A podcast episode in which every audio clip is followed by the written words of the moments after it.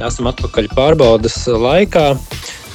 Šodien es esmu attālināti, bet bez manis studijā ir mans vārda brālis Raivis Bičevskis. Raivis Bičevskis ir Latvijas Universitātes vēstures un filozofijas fakultātes profesors, doktors ar interesi par vācu filozofiju. Šis ir arī iemesls, kāpēc mēs šodien šeit esam, vienlaicīgi neesam, bet sarunājamies. Sveicināti, Raivi!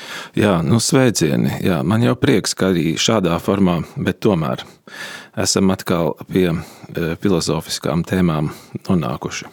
Savā ziņā arī tehnoloģiskām, un, un šodien šīs divas tēmas savīsies kopā, jo šodienas tēma ir konservatīvā revolūcija tēma, kas ir daļai politiska, daļai filozofiska. Varbūt šeit pat atšķirība laikam nav tik um, būtiska. Vien bez gariem ievadiem ķeršos pie lietas un, un izvaicāšu mazliet arī iejūtoties nu, skatītāja vai precīzāk sakot, klausītāja no, uh, no malas lomā un, un pajautāšu, kas tā par konservatīvo revolūciju, vai tad šie divi jēdzieni nav savstarpēji izslēdzoši? Nu, parasti kā nu, konservatīvisms tiek uzskatīts tā ir turēšanās pie tā, kas ir bijis, visa jaunā tāda nepieņemšana vai vismaz lēnu tādu pārbaudīšanu un piesardzību, un revolūcija atkal ir pilnīgi pretējs jēdziens. Un kā šie divi jēdzieni sadzīvo un, un varbūt jau pārmetot tiltu uz to filozofisko pusi, kā šie divi jēdzieni sadzīvoja Vācijā un, un kāda tam ir nozīme šodien? Jā, jā tik tiešām, jā, kā tu saki, jā, konservatīvā revolūcija, kas ir mūsu temats šodien, tik tiešām šis vārdu salikums ir visai pretrunīgs un acīm redzami, ja pretrunīgs konservatīvs un revolūcija. Šie divi vārdi ir kopā. Protams, ja mēs paskatāmies uz šo vārdu salikumu no 19. gadsimta vēl sākuma perspektīvas, eh, tad tik tiešām šeit šķiet ir pretruna. Eh, nu, es varētu varbūt sākumā pat nocitēt jā, Rolfu Pēteru Zīferli, kurš 90. gados publicēja grāmatu Konservatīvā revolūcija, piecas biogrāfiskas skices. Un tur šīs grāmatas eh, sākumā mm, viņš nu, raksturo to, šo vārdu konservatīvā revolūcija eh, pretrunīgumu, eh, palūkojoties uz 19. gadsimta sākuma politisko arēnu un palūkojoties tūlīt, pārmetot tiltus 20. gadsimta 20. un 30. gadiem Eiropā. Nu, es šo citātu nolasīšu, un tas no citātu vāceles te ir sagatavots. Un tad mēģināšu to nedaudz arī interpretēt. Un Zīferle tā tad šajā grāmatā raksta – Ja grib iegūt priekšstatu par 20. gadsimta 20. gadu politisku ideoloģisko ainavu, tad ātri vien nonāk grūtībās. 19. gadsimtā bija kļuvis par pierastu politisko spektru aplūkot no tribīnē runātāja perspektīvas parlamentā. Kreisajā pusē no viņa bija tie, kas pārstāvēja strādniecību, sociālisti vai sociāldemokrāti, kuri pārstāvēja egalitārismu, sociālas reformas un masu socializāciju. Ja skatiens klīda tālāk uz labo pusi, tad nonāca pie centra, kur sēdēja pilsonisko aprindu pārstāvi, liberāļi, kuri prasīja brīvību un indivīda privātu īpašumu un konkurences ekonomikas aizsardzību. Labējā stūrī visbeidzot varēja redzēt konservatīvos, aristokrātijas un lauku lielu īpašnieku pārstāvjus, kuru politiskā programma centās pasargāt bijušo no pārāk revolucionārām pārmaiņām. Konstitucionālās monarhijās šie konservatīvie bija kroņa dabiskie sabiedrotie, jo redzēja monarhā pastāvošās kārtības garantu. Pārēja no viena pie otras spārna nozīmēja pārēju starp diviem ekstrēmiem. Vieni prasīja revolūciju, otri saglabāšanu. Kopš 20. gadsimta sākuma šī aina mainās pilnībā. Piemērs ir Veimāras republika. Reichstāgā galēji kreisie bija komunisti, kas radikalizētā formā pārstāvēja proletārisku sociālismu, taču galēji labējā spārnā sēdēja nacionālsociālisti, un būtu taču pavisam nepareizi viņos saskatīt aristokrātijas un lielo lauksaimnieku, zemes īpašnieku interesu pārstāvjus. Viņi prasīja nacionālu revolūciju, kurai būtu jāpārvar parlamentāri demokrātiskais status quo. Atgriešanos pie monarhistiska vecā režīma viņa galīgi noraidīja, arī varas sagrābšanas dēļ bija gatavi slēgt vienošanos ar reakciju. Politiskais spektrs bija ieguvis kompleksitāti. To vairs nevarēja pārskatīt, izējot no duālas struktūras. Tas ir no konservatīvisma un revolūcijas pretmeta. Nu, tik tā zīferle. Es gribētu piebilst, ka šis vārdu salikums ir pretrunīgs tikai tad, ja mēs nepārlūkojam, nepārskatām modernās Eiropas 19. Um, gadsimta beigu un 20. gadsimta sākuma vēsturi, un uh, vēl paliekam ja 18. un 19. gadsimta mijā. Mēs redzam jau, jau 19. gadsimta sākumā, ka tādi interesanti domātāji, kā piemēram Jozefs Demētrs, šis savojas aristokrāts, ja, kurš savos darbos slavēja svēto trīsvienību, pāvestu, monarhu un bendi kā sabiedrības balstus, sāk izteikt jaunas politiskas nostādnes, kuras līdz šim tādi klasiski Mm, konservatīvie, kas vērsās pret Franču revolūciju, neizsaka. Es gribētu teikt, ka jau no 19. gadsimta sākuma sākās kaut kas tāds, ko varētu raksturot kā konservatīvo utopiju veidošanu un, un pārdomāšanu. Uh, un šis vārdu salikums, konservatīvās revolūcijas, revolucionārais reakcionārisms un, un tam līdzīgi kursē visā 19. gadsimta gaitā dažādās, dažādos avotos tie parādās vācu, angļu un franču avotos. Taču uh, nu, visu šo uh, vēl nedaudz uh, neskaidro vārdu lietojumu beidzot kopā savelk 20. gadsimta 20. gados tieši vācu Veimāras republikas uh, intelektuāļi, uh, domātāji, kuri sāk šo vārdu lietot kā vienas noteiktas pozīcijas apzīmējumu. Tiesa, mēs saduramies arī šodien ar dažādu vēsturnieku, sociologu un ideju pētnieku viedokļiem par to, ka konservatīvā e, revolūcija nekad nav bijis, arī 20. gadsimtā nekad nav bijis, um, nav bijusi viena pozīcija, viena uh, teikt, akmenī cirsta pozīcija, ka runa te ir par um, drīzāk ļoti dažādiem mēģinājumiem pēc Pirmā pasaules kara uh, Veimāras republikas laikā ieskicēt alternatīvās modernitātes ceļus. Ja, tad uh, paralēli tādam liberālismam, kas orientējās uz cilvēku tiesībām, uz individu, uz, uz brīvo tirgu un paralēli marksistiskā tipa sociālismam, radīt vēl vienu pozīciju, vēl vienu alternatīvu modernajam laikmetam.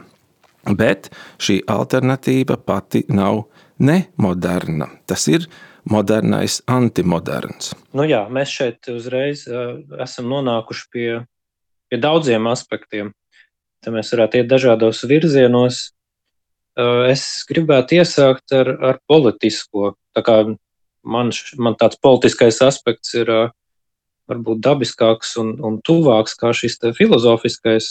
Tātad pirmkārt, uh, arī pēc tā citāta un, un, un, un iztirzājuma mēs varam secināt, ka Vācijas konservatīvā revolūcija bija faktiski tāds plašāks konservatīvās revolūcijas uh, izpausme, kas uh, aizsākās jau 19. gadsimtā. Mēs pie šāda secinājuma varam nonākt pareizi. Ja? Jā, jā, es tā gribētu teikt. Jā. Un vai mēs varētu runāt arī par uh, konservatīvu revolūciju Latvijā, proti, nu, domājot par to, kas Latvijā notika uh, arī 1920. un 30. gados, kad pēc tāda sākotnējā, sākotnējās sajūsmas par jauno satversmi un demokrātiskajām vērtībām, kas nāca no mūsu tuvākiem sabiedrotiem tajā laikā, frančiem, angļiem, iestājās tāds jauns kaut kāds meklējumu ceļš, vilšanās, un, kas sākumā izpaudās dažādās, nu, tās dēvē parasti par aktīvā nacionālismu organizācijām, bet rezultējās ar Kārļa Ulmaņa režīmu. Jo Kārlis Ulmans, principā, viņš jau arī bija modernizētājs Latvijas. Viņš neatgriezās īsti pagātnē, lai gan viņš, protams, atsaucās uz uh, 13. gadsimtu, uz zemgaļu brīvības cīņām, uz hercogu Jēkabu, bet tomēr, tomēr viņš arī cēla moderno Latviju. Un, man liekas, arī Latvijas gadījumā varbūt varētu konstatēt šos te šo te sintēzi starp šo alternatīvo modernitāti un jā, savu veidu iesakņošanos pagātnē, vai, vai tas tā varētu būt, vai es pareizi? Pareizā virzienā taustos. Jā, es domāju, ka šis virziens noteikti ir ir pareizais. Mēs varam redzēt, gandrīz katrā Latvijas jā, brīvvalsts laika, tādā garīgā kustībā, eh, bet arī politiskajās norisēs. Mēs varam redzēt visā šajā dažādo, eh, varētu teikt, jā, garīgo politisko aktivitāšu spektrā analogus, jā, kas, ne, analogus, kas ir Vācijā. Mēs redzam drīzāk tādu paralēlu izspēli, ja, kurā šiem vārdiem konservatīvā revolūcija vai modernais antimoderns tiek katrā gadījumā piešķirta kāda uh, nozīme. Ja? Šie vārdi kalpo par zinām tādu izējas punktu. Jo, nu, ja mēs paskatāmies uh, vēl uz mirkli ja, uz tiem vāciešiem, tad, ja mēs paskatāmies uz Artūra Mellera Vandenbruka ja, 1923. gada darbu, E, kas saucās Trešais Reichs. Ja, tam nav vēl nekāda sakara ar Nacionālo sociālistisko Trešo Reihu. Ta, tad viņš šajā darbā mēģina formulēt ja, savu konservatīvās revolūcijas vīziju. Un e, tur viņš šo konservatīvo revolūciju, um, varētu teikt, koncentrē dažos vārdos. Un šie vārdi skan, ja konservatīvā revolūcija nozīmē radīt lietas, kuras ir vērts saglabāt. Ja, tad tas ir skaidrs, ka viņš norobežojās no tā, varētu teikt, tradicionālā, vēl ja, 19. gadsimta sākuma asiņu un klēra konservatīvismu, un norobežojas arī no tā saucamā vecā nacionālisma, Bismarka laika Vācijas nacionālismu, kas bija ar monarha ideju saistīta. Ja, un, un tā. Viņš tagad drīzāk konstatē situāciju, ka pēc Pirmā pasaules kara eh, vācieši ir nonākuši it kā tādā, nu, mm, tukšā vietā. Jā, Visas tās tradīcijas un, eh, un iepriekšēji arī politiskie modeļi ir Pirmā pasaules kara sagrauti. Eh, jā, šķiet, ka ir iestājusies milzīga krīze, arī ekonomiska un politiska, bet no otras puses lauks ir savā ziņā arī tīrs, jā, brīvs. Tagad varētu sākt būvēt no jauna. Un tās konservatīvās revolūcijas ja doma ir tā paradoxālā doma, ka būvēt, ja, revolucionāri veidot ko jaunu, bet tādu, ko ir vērts saglabāt. Un jautājums, uz kādiem pamatiem tad būvēt. Un Arthurs Mellers, Vandenbruks saka, šie pamati nebūs vairs 1789. gada Franču revolūcijas idejas.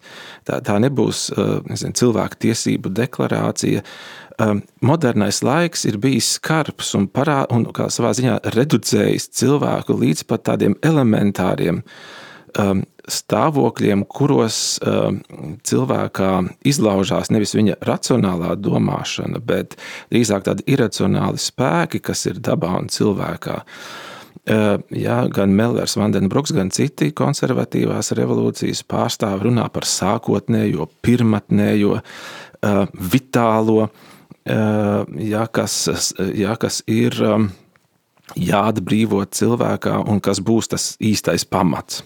Jau uz kā būvēt jaunu tautas kultūru, jaunu arī politisko nāciju radīt.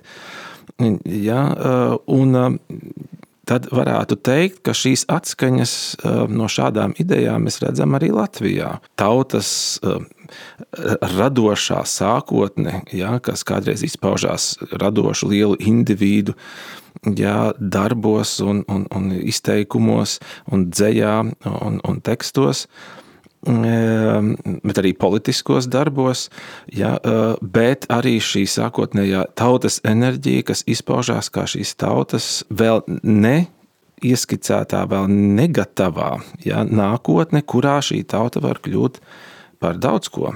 Ja, Un es domāju, šīs noskaņas Latvijā ir labi redzamas. Ja? Tad mēģinājumos, piemēram, nu, Brastiņa mēģinājumos atjaunot ja, kādu šo numinozo spēku ielaušanos, ja modernā kultūrā, proti, ja, dievturu kustība. Tas ir, protams, arī vadonības kults, ja, kas ar Kārļa Ulmaņa nākšanu ja pie, pie varas nostiprinās, ja tas ir tas atkal jau ja tas īpašais indivīds, ja, kurš kā tāds likumdevējs, kā vadonis, ja stāv nācijas Mm, priekšā un, un iekārto ja, šīs nācijas dzīvi, ved to nāciju kādā noteiktā ja, virzienā, tādējādi arī šo nāciju konsolidējot un dodot mērķi ja, šai vēl netapušajai tautai, vēl nenotikušajai tautai, kura iegūst ja, savu vēsturisko likteni, sekojot ja, tādam vadonim, piemēram.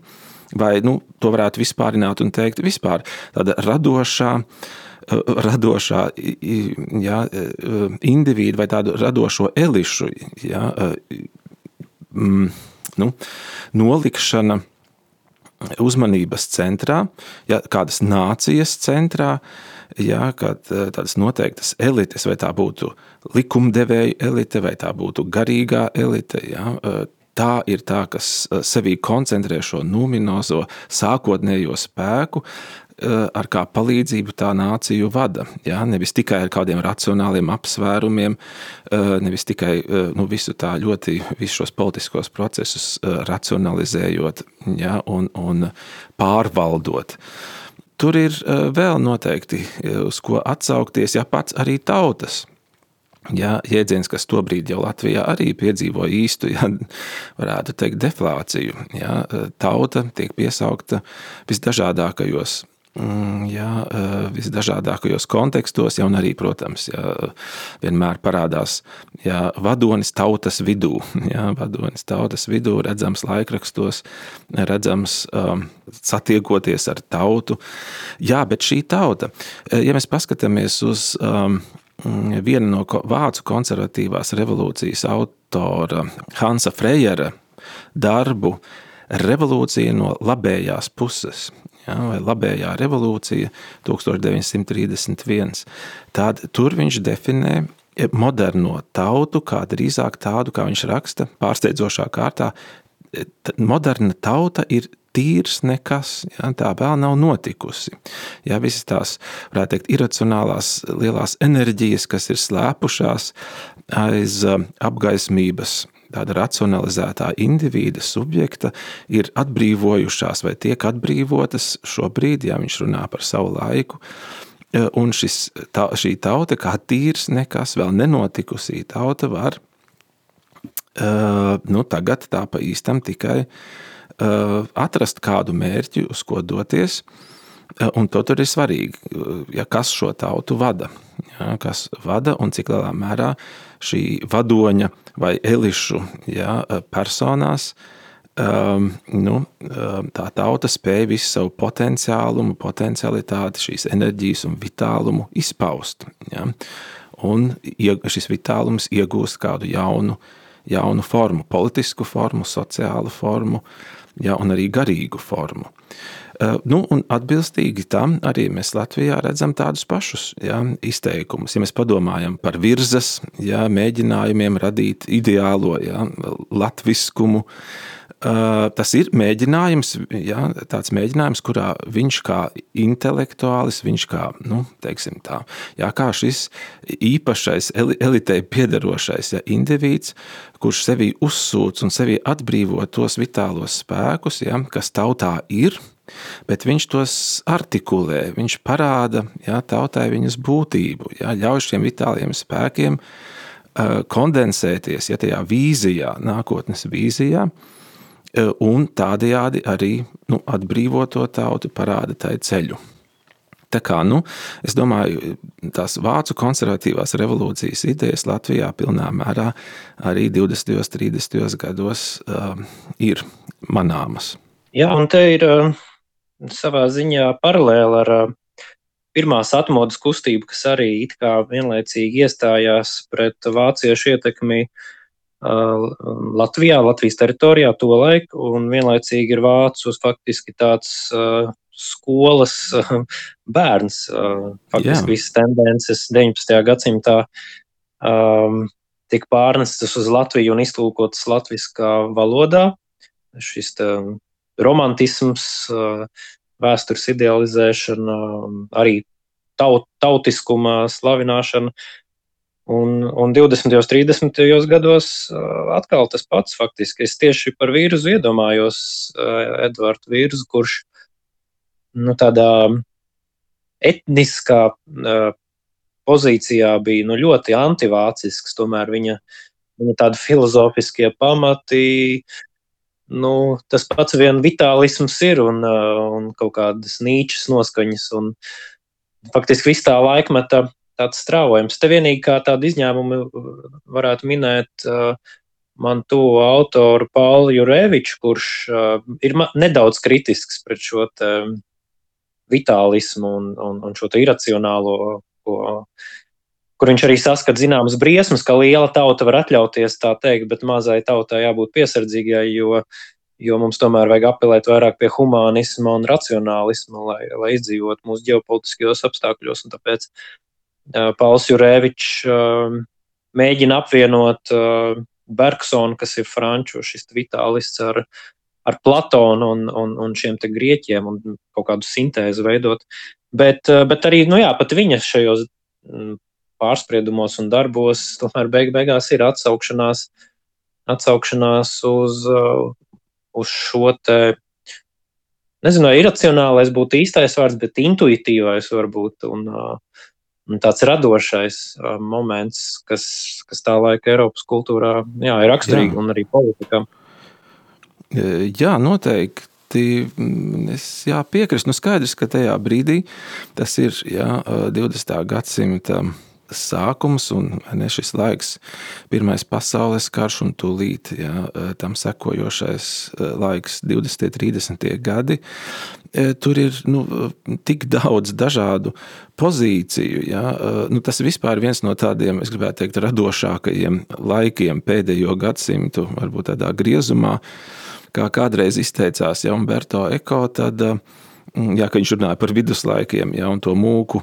Un, un, un toreiz, ja viduslaiku skolastu ja, diskusijām, tad viņš teica, nu jā, no mūsdienu skatu punkta raugoties, mums tās pozīcijas izskatās tik uh, vienādas ja, un tik uh, maz tur ir ko atšķ, maz ir atšķirību. Uh, Bet tā tas nebija tiem cilvēkiem. Jā. Mēs nu, skatāmies no pārāk liela attāluma jau uz šo laiku, un mums šķiet, ka daudzas pozīcijas tur saplūst Eh, un, un nav nošķiramas. Eh, bet, eh, ielūkojoties tuvāk, mēs redzētu, ka arī 20. gadsimta šīs pirmās desmitgades ir nu, milzīgi daudz dažādu, diferencētu, atšķirīgu jā, pozīciju, nu, muģeklis un, un, un tiešām tāds radošs laiks, ko noteikti ietekmē arī Pirmais pasaules karš.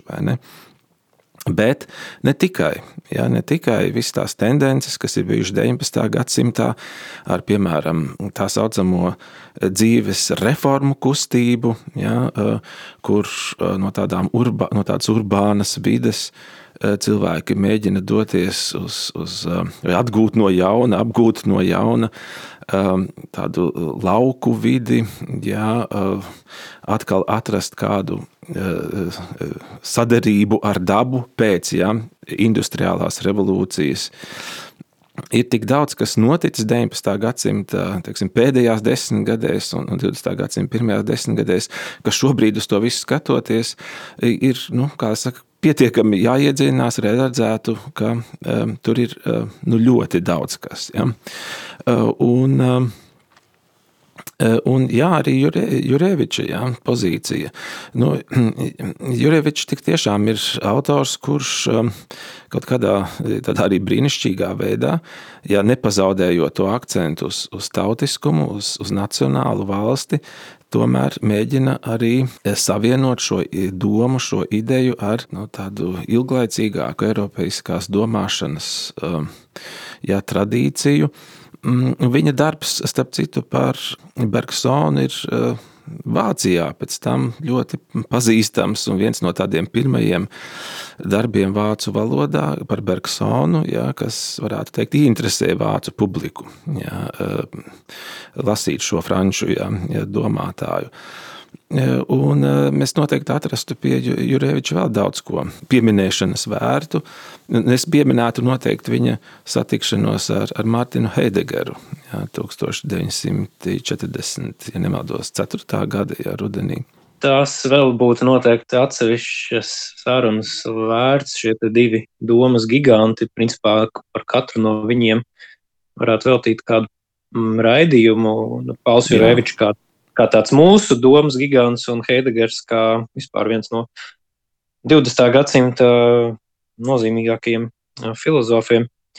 Varbūt atgriežoties, atgriežoties pie šī politiskā aspekta, un minēja jau par šo laikmetu, šīm divām desmitgadēm starp pasaules kariem, kā tādu ļoti radošu laiku, un kur tiešām ir bijis ļoti daudz kas. Un, Un, jā, un te, te uzreiz jā, jāpiemina tas, ko kritiķi norāda, vai ja, ja to var saukt par kritiku, vai jā, gribētos mazliet arī to pašķetināt un kaut kā atspēkot. Proti, bieži konservatīvās revolūcijas jēdzienu kritizē, ka nu, faktiski tāda nav bijusi, vai, ja, nu, ja tā ir bijusi, tad tas ir bijis tikai kā, tāds, kā tāda ceļa gatavošana nacistiem. Un, nu jā, šī Eiropas un Vācijas vēstures vērtēšana caur 12 uh, nacistu varas gadiem, it kā nu jā, viss līdz tam ir bijusi gatavošana tam, un, uh, un tad notiek otrais pasaules karš, un tad atkal pēc otrā pasaules kara konservatīvās revolūcijas idejas tiek norakstītas, pat ne tikai konservatīvās revolūcijas idejas, paskatāmies ģeopolitiski, kas notiek ar Vāciju, kur, kur paliek Prūsija nu, pat Prūsija tiek likvidēta kā, kā vēsturisks veidojums ar šo te. Es, ar, nu, pamatojoties ar šo ideju, ka pie kara ir vainīgs ne tikai nacisms, bet vācu militārisms, prūsiskums un faktiski nu, Vācijas vēsturi. Nu, tā kā, no tādas baltas lapas mēģina veidot, vismaz man tā izskatās. Un, nu, līdz ar to arī Eiropas tādu idejisko vēsturi.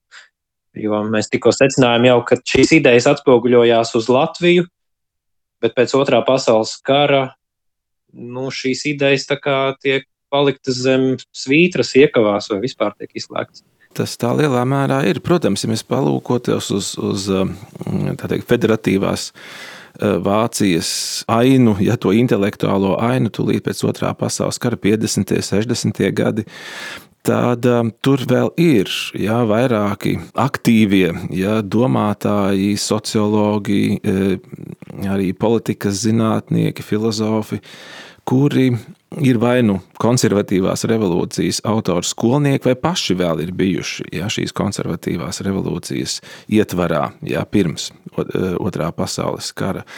Un, um, Nu, noteiktas, nu, noteiktas tēmas, piemēram, modernā tehnika, e, ir tāda noturīga tēma, ar ko šie autori nodarbojās. E, nu, tās tēmas jau tiek pārmantotas un ie, kaut kādā veidā arī iet, ieiet un ieplūst arī tādā pēckara, ja, pēc otrā pasaules kara diskursos, ja, vācu. Un tādā, tādā nozīmē galīgi pazuduši viņi nav.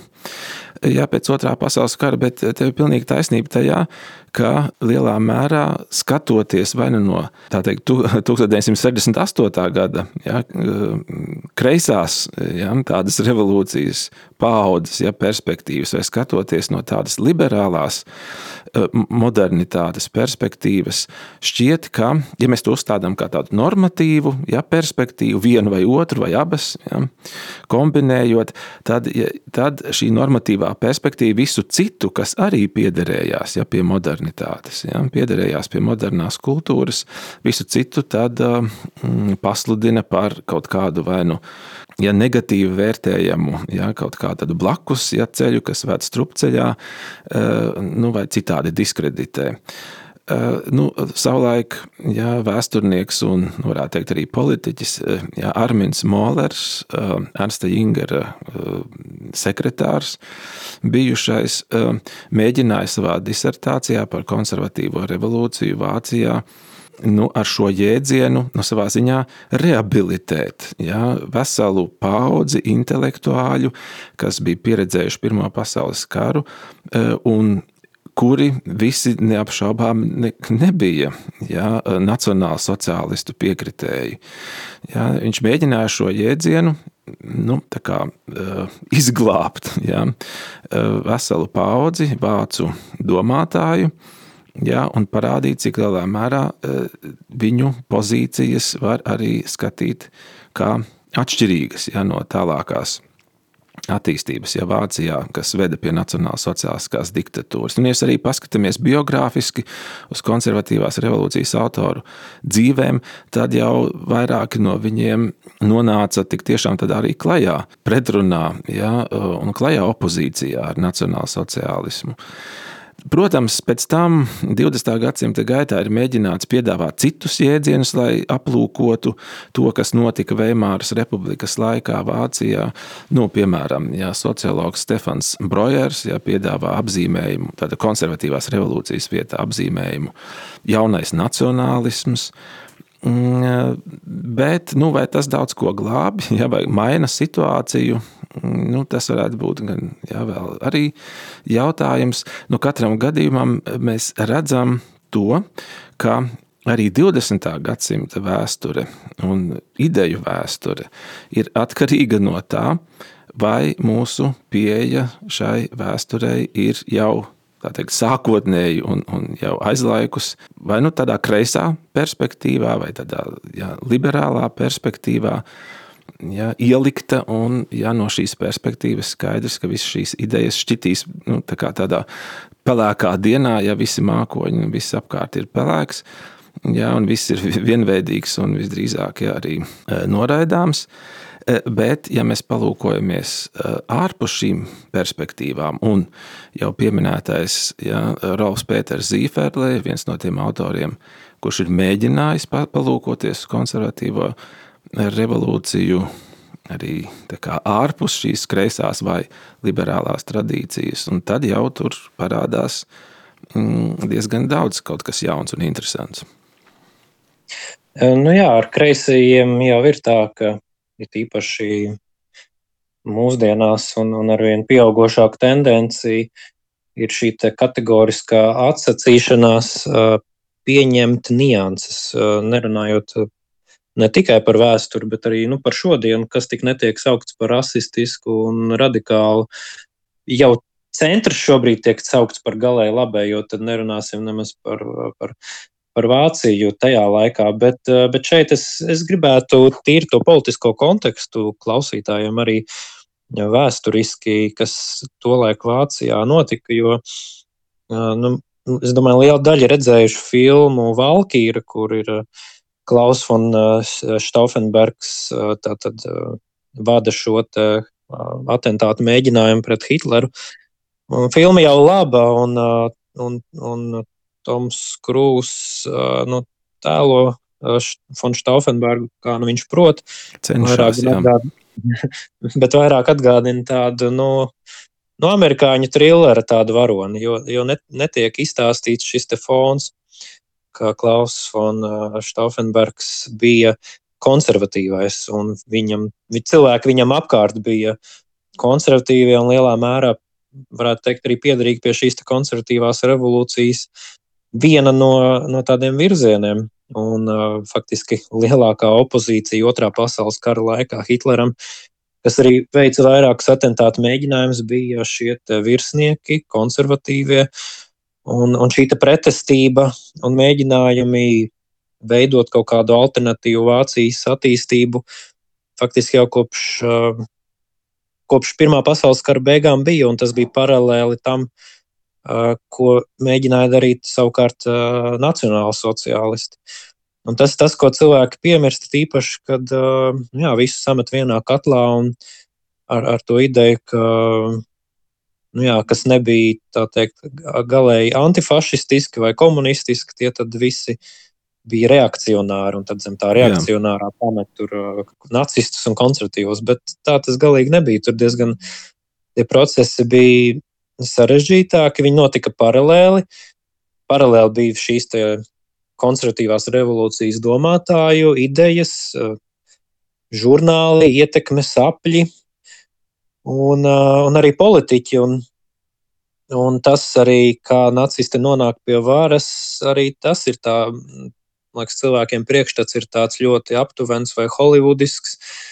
Uh, bet faktiski tā ir nu, savā ziņā, varētu teikt, pat nejaušība kaut kādā veidā.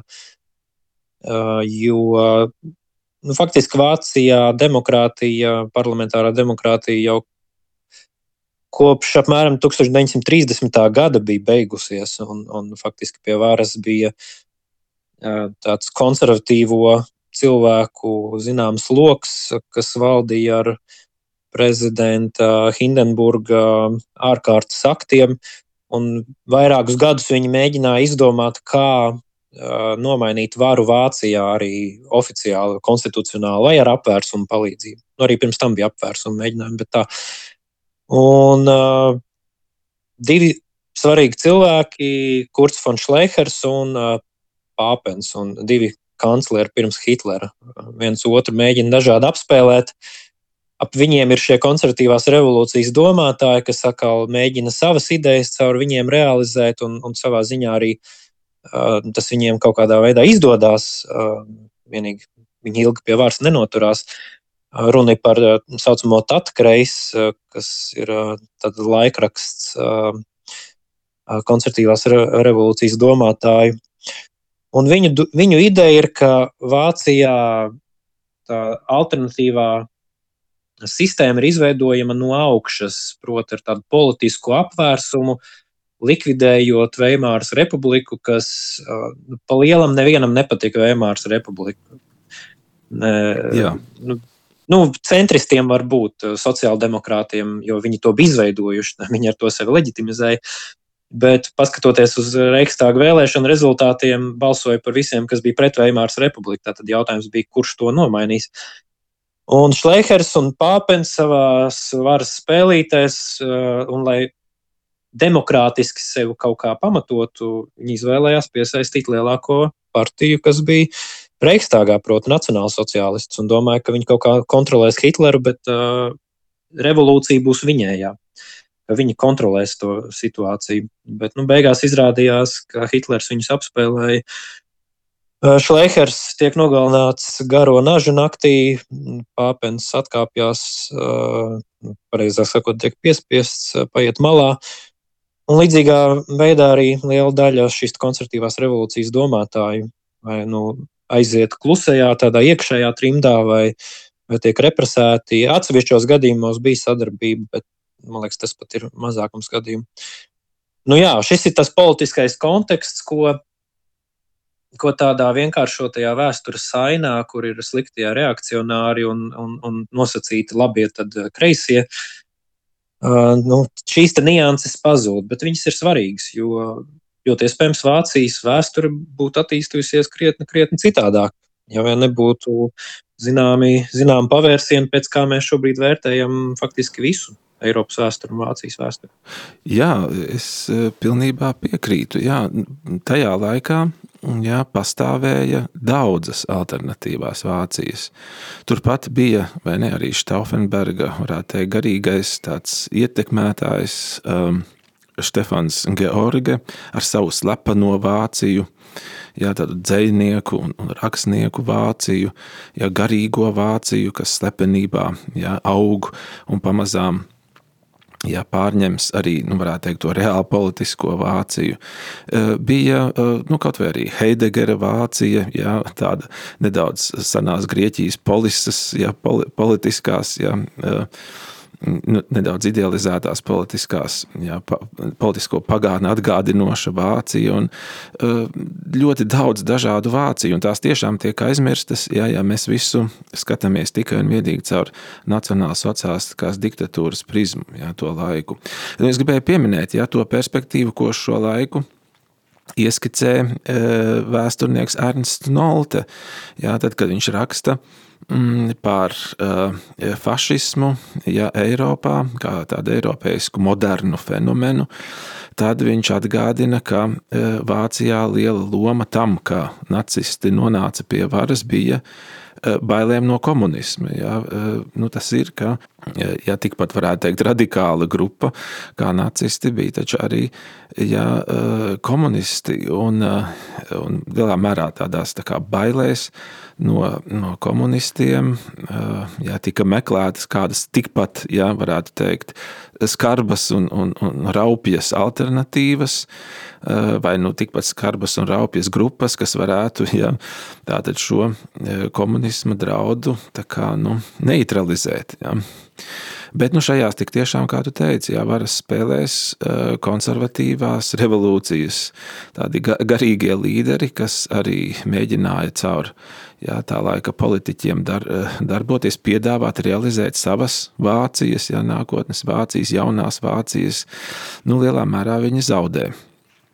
Ja, un pēc tam var vērot eh, daudz interesantu šo konservatīvās revolūcijas pārstāvju likteņus, ja, individuālos likteņus, kā piemēram Ernsta Jingera liktenis, kā viņš mēģina Eh, jā, eh, saglabājot tādu pašcieņu un, un, un tomēr vismaz iekšējo brīvību, eh, sadzīvot ar režīmu, jā, un sadzīvot ar dažādiem režīmiem un dažādos laikos tomēr savu neatkarīgo domāšanu saglabāt. Atgriežoties varbūt pie šīm idejām, es piefiksēju sekojošās idejas, un, un tad es nosaukšu, un tad Jā. varbūt var, var, varam pakomentēt un patirzētu, kur nepieciešams vairāk. Šīs kopīgās ir uh, varonības kults, kas ir, uh, nu, protams, Pirmā pasaules kara ietekme un, un tāda frontes gara un veterānu gara slavināšana, kas ir pašsaprotama tajā laikā. Bet varbūt arī netik pašsaprotami, jo tas ir pretrunā ar tādu pacifismu un kara noraidījumu, kas arī tajā laikā valda. Kreiso ideju un metožu aizņemšanās nevienmēr, bet dažādos daudzumos atkarībā no kustības vai domātāja. Kapitālisma kritika, bet no labējo pozīcijām, kas arī ir jau ar senākām saknēm, un arī faktiski vācu domā šī kopiena pret sabiedrību, šī ideja. Man liekas, tas no turienes varētu būt. Apgaismības kategorisks noraidījums, to, to jau mēs minējām, šī alternatīvā modernitāte. Es nezinu, vai šī ir kopējā ideja. Armīns Molers to vismaz min kā tādu kopēju, šī cikliskā laika ideja. Osvalda Špenglera, protams, darbos tas ir spilgtāk izpaužās, bet es nezinu, neesmu drošs, vai tas ir visiem raksturīgs. E, nu, visdrīzāk, un, jā, ka varbūt ne, bet nu, arī tāda, arī tāda, jā. Vismaz dažiem noteikti. Un tad atšķirīgās idejas, un, un tad varam patirzāt tālāk. Šī tradicionālā un modernā sintēze, lai arī ir kopīga, te, nu jā, te atšķirās, cik tālu šajā sintēzē, kurš iet un, un kurš ir vairāk moderns un kurš ir mazāk. Jo ir daļa uh, konservatīvās revolūcijas virzienu, kas ir vairāk vērsti uz šo agrāro, uz lauciniecisko, uz tādu mēģinājumu atjaunot viduslaikus, viņu izpratnē, pozitīvā izpratnē, jo šo, šodien, ja pasaka viduslaika, tas ir kā birka jau, bet, bet mēģinājums atgriezties pie nu, kaut kādas sākotnes, pie pirms nācijas laikmeta kaut kādām attiecībām. Tad ir dažādas attieksmes, arī izraitot no šīs attieksmes pret moderno valsti, proti, nu jā, vai tā ir tāda tautas valsts, organiska demokrātija, tāds jēdziens arī parādās, vai, vai impērija, autoritāra valsts un, un kaut kas jau uz monarhijas pusi. Un, laikam, tas bija arī Armīns Molers, kurš norādīja, ka jā, kaut kādā ziņā šis reliģiskais aspekts spēlē lomu, ka protestantiem bija vairāk raksturīga šī nācijas ideja, un katoļiem vairāk šī impērijas ideja, jo nu, katoļi pēc noklusējuma ir tādi uz universālāku modeli vērsti un varbūt uh, vairāk vēlējās atjaunot Svētās Romas impērijas kaut kādu variāciju, ne tik daudz nacionālu valsti. Un, jā, un tad arī dažādas ģeopolitiskās pozīcijas. Uh, nu, bet arī to laiku Vācijai, tāpat kā šodien bija raksturīgas zināmas simpātijas pret Krieviju, to laiku padomju Krieviju, kas izrietēja no, no Veimāras miera līguma un mēģinājumiem to apiet, sadarbojoties ar citiem iztumtajiem, tā teikt, no starptautiskās kārtības. Bet jā, tā varbūt pat nav tāda ideoloģiska lieta, cik tā laika tāda stratēģija. Jā, es te ļoti daudz ko nosaucu. Sākam ar jebko no šī un skatāmies, kur tas mūs aizved. Man šķiet, ka tev izdevās ja, ļoti būtiskus aspektus, ja konservatīvās revolūcijas nosaukt. Nu, ja mēs paskatāmies, ja, jau arī pieminētais tāds, ja, krais vai Nu, jā, šis viens no ietekmīgajiem konservatīvās revolūcijas pulciņiem, kas grupējās ap laikrakstu dītāti, tad tur vienā dītāti ja rakstā tiek teikts, ka konservatīvā revolūcija, savie, konservatīvā revolūcijā savienojas 19. gadsimta kapitālisma kritika ar aicinājumu uz jaunu tautas vienotību un neatkarību un akcentu uz elitārismu, ja, uz garīgajām elitēm, kas vadīs un veidos jauno tautas dzīvi.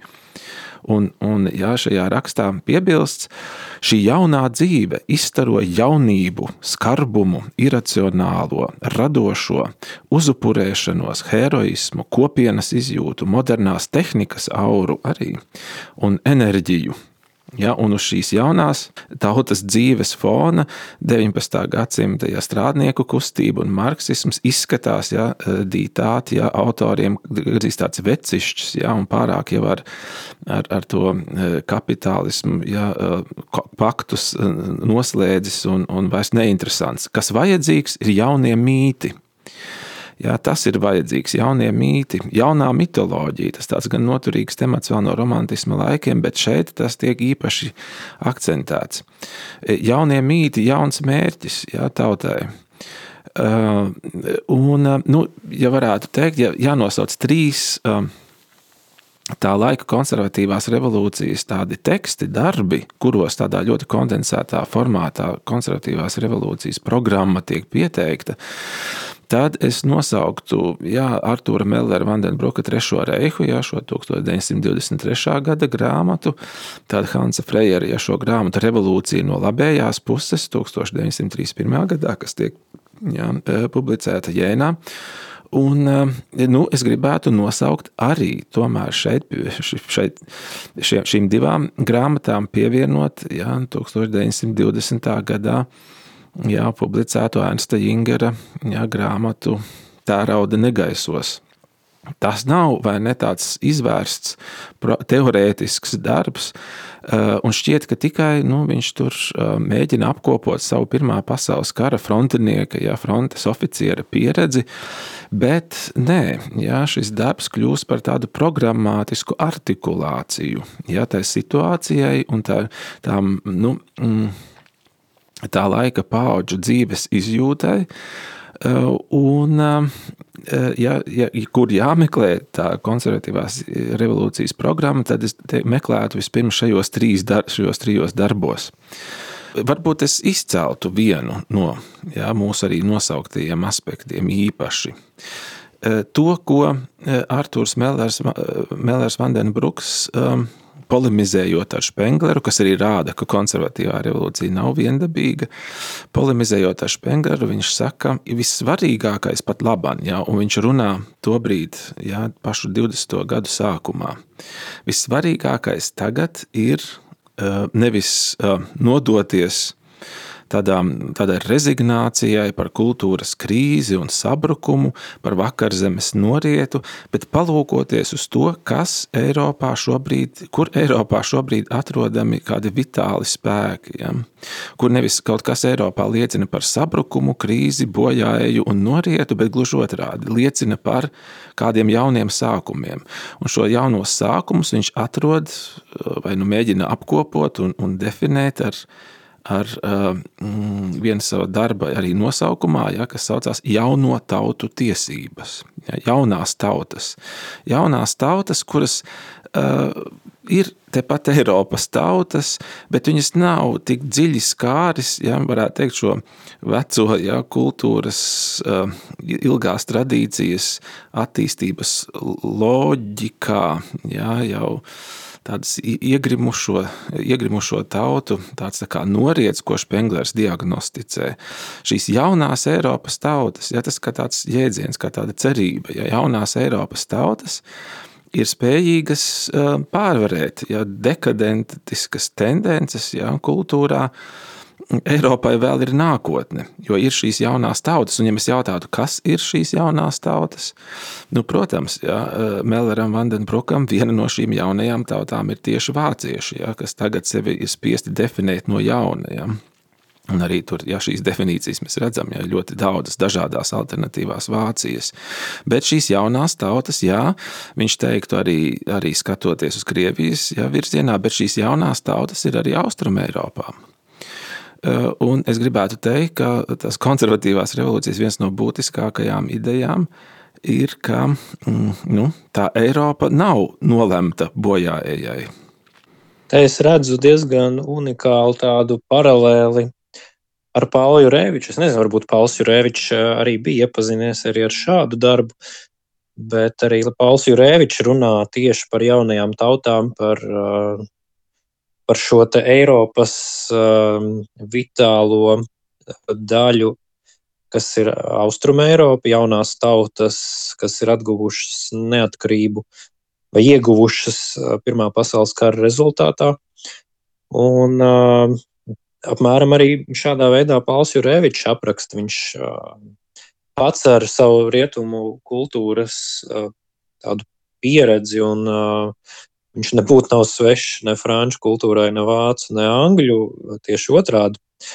Viņš ir ļoti atzīts tajā pašā Francijā, piemēram, bet viņš arī konstatē, ka Francija tā ir nu, tāda fosilizējusies uh, valsts, jā, it kā no ārpuses viss ir kārtībā, bet uh, šī valsts vairs nav spējīga izvest uh, nekādas lielas reformas vai sajūsmināties par kaut kādiem lieliem mērķiem, bet tas ir tas, ko savukārt Alans Jurēvičs redz šajā jaunajā Latvijā.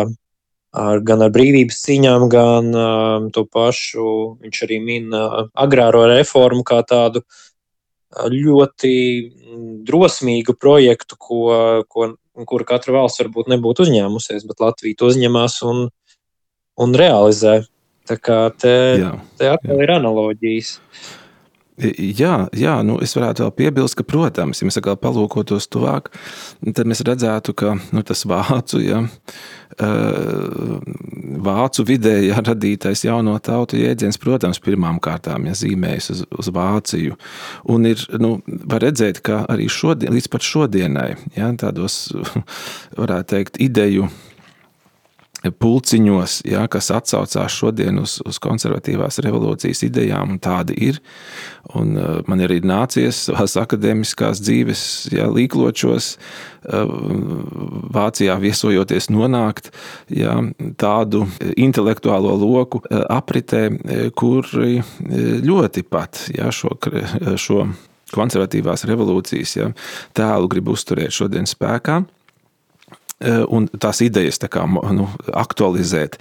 Bet tur ir liela problēma. Viņi, viņiem ir ļoti grūti šo visu politisko telpu no Somijas līdz Balkāniem iekļaut šajā jaunās tautas, jauno tautu jēdzienā. Ja? Ir tādi, kas, kas to dara, ja? un kas to darīja jau pirms ja, otrā pasaules kara, bet ir arī tādi vācu konservatīvās revolūcijas pārstāvi toreiz un arī tagad, Eh, kuriem ir ļoti grūti redzēt šo politisko telpu starp Vāciju un, un Krieviju, ja, un, un kaut kādā ziņā nu, eh, piešķirt šai politiskai eh, telpai pašnoteikšanos un teikt, jā, arī te ir tās jaunās tautas. Tā kā nu, Eh, tur ir tā lielā problēma, ka, eh, ja mums, eh, nu, skatoties tādā arī Latvijas perspektīvā, šķistu viena vai otra ja, konservatīvās revolūcijas ideja nu, vērā ņemama un pārdomājama aktuālā kontekstā, ja, tieši arī šī jaunās tautas ja, koncepta sakarā, tad eh, visu laiku mums jāsadurās ar nu, teikt, tiem vēsturiski ietekmīgajiem diskursiem, kas stigmatizē arī konservatīvās revolūcijas pārstāvis šodien, vai viņu sekotājus vai, vai nu, teiksim, tā interpretus. Mm, un kas eh, viņiem to austrumu Eiropu, vai ziemeļaustrumu Eiropu, vai vispār austrumu Eiropu plašākā mērogā nu, neļauj tik labi saskatīt. Ja. Man liekas, šis ir tāds labs um, tilts uz tādu noslēgumu un secinājumiem. Protams, gribējās izrunāt vēl ļoti daudz ko Ernstu Jingeru. Tā ir laikam atsevišķa tēma. Nu, Viņa darba ideja. Jā. Uh, to nākamajās reizēs. Bet uh, jā, šis ģeopolitiskais aspekts, tā ir, protams, problēma ar Vāciju. Mums ir šī vēsturiskā pretruna. Uh, kur no vienas puses ir šī ietekme, no otras puses ir šī te, nu, jā, kaut kāda ģeopolitiskā mūsu pretstāve Vācijas. Uh, politiskās intereses mūsu reģionā, un kas nevienmēr ir bijušas uh, pozitīvas mūsu vēsturē. Uh, bet no otras puses, konservatīvās revolūcijas nu, pamatēze ir nošķirt šo te, uh, laicīgo, mainīgo no šīs esences, kas ir nu, tā, tā dzīvā tradīcija un, un, un lietas, kuras ir vērts saglabāt. Tā bija. Un, un, nu, šajā ziņā es domāju, mēs varam arī nošķirt šo ģeopolitisko aspektu no šīm idejām. Un, um, idejām, kas noteikti raisa interesantas diskusijas, kurām būtu jānotiek uh, arī, arī šodien, manuprāt, jo varbūt klausītājiem rodas jautājums, nu, kāpēc mēs runājam par kaut kādiem domātājiem, kas dzīvoja pirms simts gadiem. Virzāmies uz priekšu, tā teikt, bet, bet tomēr šīs paralēlas ar to laiku, man liekas, ir ļoti lielas. Jo nu, es, es Vēmāras republiku redzu kā tādu modernās pasaules ļoti koncentrētu izmēģinājumu, un viss, kas pēc tam ir bijis lielā mērā nu, atsaucās uz to. Un šis projekts beidzās tā, kā tas beidzās. Jautājums, kas notiks ar šo moderno pasauli? Jo nu jā, visas tās problēmas, idejas, pretrunas, nu, viņas jau tolaik bija, un viņas tika izspēlētas nu, tādā ļoti mazā laika posmā. Un šie domātāji, kā Ernsts Ingers, viņi jau pirms simts gadiem faktiski nu, pieskarās šiem te tematiem, kā, kā cilvēkam, kurš grib būt uh, brīvs un saglabāt pašcieņu, attiekties pret moderno pasauli. Tas ir ļoti aktuāls jautājums arī šodien. Mums vajadzētu palūkoties vai nu uz visu moderno laikmetu, ko Franču revolūcijas tomēr um, nu, ne tikai caur ja, kādu vienu interpretācijas prizmu redzēt, to, cik lielā mērā šis modernais laikmets ir, nu, kā lai saka, e, arī lielā mērā ir e, teikt, ieciklējies uz sevi un tās problēmas, kas parādās ļoti ātri un ko apzinās ja, šī laikmeta arī domātāji, arī tie, kas veic tādu laikmeta pašrefleksiju, redz ja šīs problēmas, ka tās atgriežas, ka tās atgriežas, un mēs ik pa brīdim atkārtojamies, nu, domājot ar šo mēs, ja visu moderno laikmetu, un neesam izkļuvuši no tā modernā laikmeta, ja, to iekšējo pretrunu un iekšējās tādas turbulences virpuļiem. Un, tādā ziņā mēs nebūtu nesam ja, aizskrējuši kaut kur tālu priekšā. Ja, ja šīs konservatīvās revolūcijas autoriem, vai pat ja 19. gadsimta, piemēram, mm, romantiķiem. Nē, drīzāk mēs esam laika biedri ar viņiem, ja turpinot risināt ja, modernās kultūras problēmas. Un, nu, ir ļoti labi, ja mēs varam šeit atskatīties un redzēt, kā uz šīm problēmām ir skatījušies arī 20. gadsimta sākumā.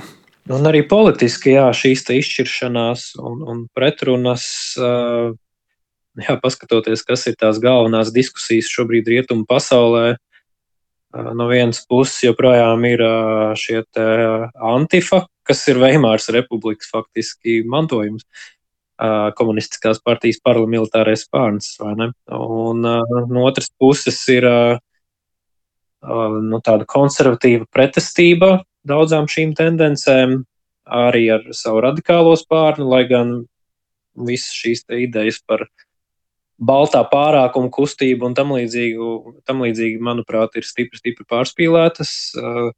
Drīzāk ir pretēji tendence. Ja, ja, ja Vācijā pirms gadsimta tā baidījās no komunistiem, ka, ka daudz bija gatavi pieņemt uh, nacionālu sociālistus, tad, uh, tad tagad ir otrādi. Tā viss ir sabiedrēta ar uh, neonacistiem, ka, ka neredz šo komunismu tādu renesansi, bet nu, labi, tā tāda politiska uh, atkāpe. Bet, jā, bet no, nobeidzot šo arī, arī taktiski, nu, mēs varam pamācīties arī no tā, kas tika darīts nepareizi. Proti, Šīs koncertīvās revolūcijas elitārisms, man liekas, tas ir tāds, viņa bija viņa klupšanas akmens, un man liekas, daudz to arī joprojām atkārto no, no tādiem konservatīvajiem, proti, ka, nu jā, atliek tikai savākt to eliti, un tad jau kaut kā ar to sabiedrību tur politehnoloģiski tiks galā, bet tomēr dzīvojot demokrātiskā sistēmā, tad, nu, parteiskā politika, un tas viss no tā nevar izbēgt, un no tā arī nav jābēg. Tāda man politiskā refleksija. Nu, jā, jā, es varu piekrist, jā, un, un varbūt no savas puses vēl vienu teikumu pievienot, proti, sakot, ka uh, vispār modernais laikmets ir viena liela cīņa par nākotni, par nākotnes uh, vīzijām, par nākotnes arī mītiem, uh, par tām nākotnes perspektīvām un jautājums, kopš, kopš Franču revolūcijas e, un romantisma arī laika ir e, tomēr kurš.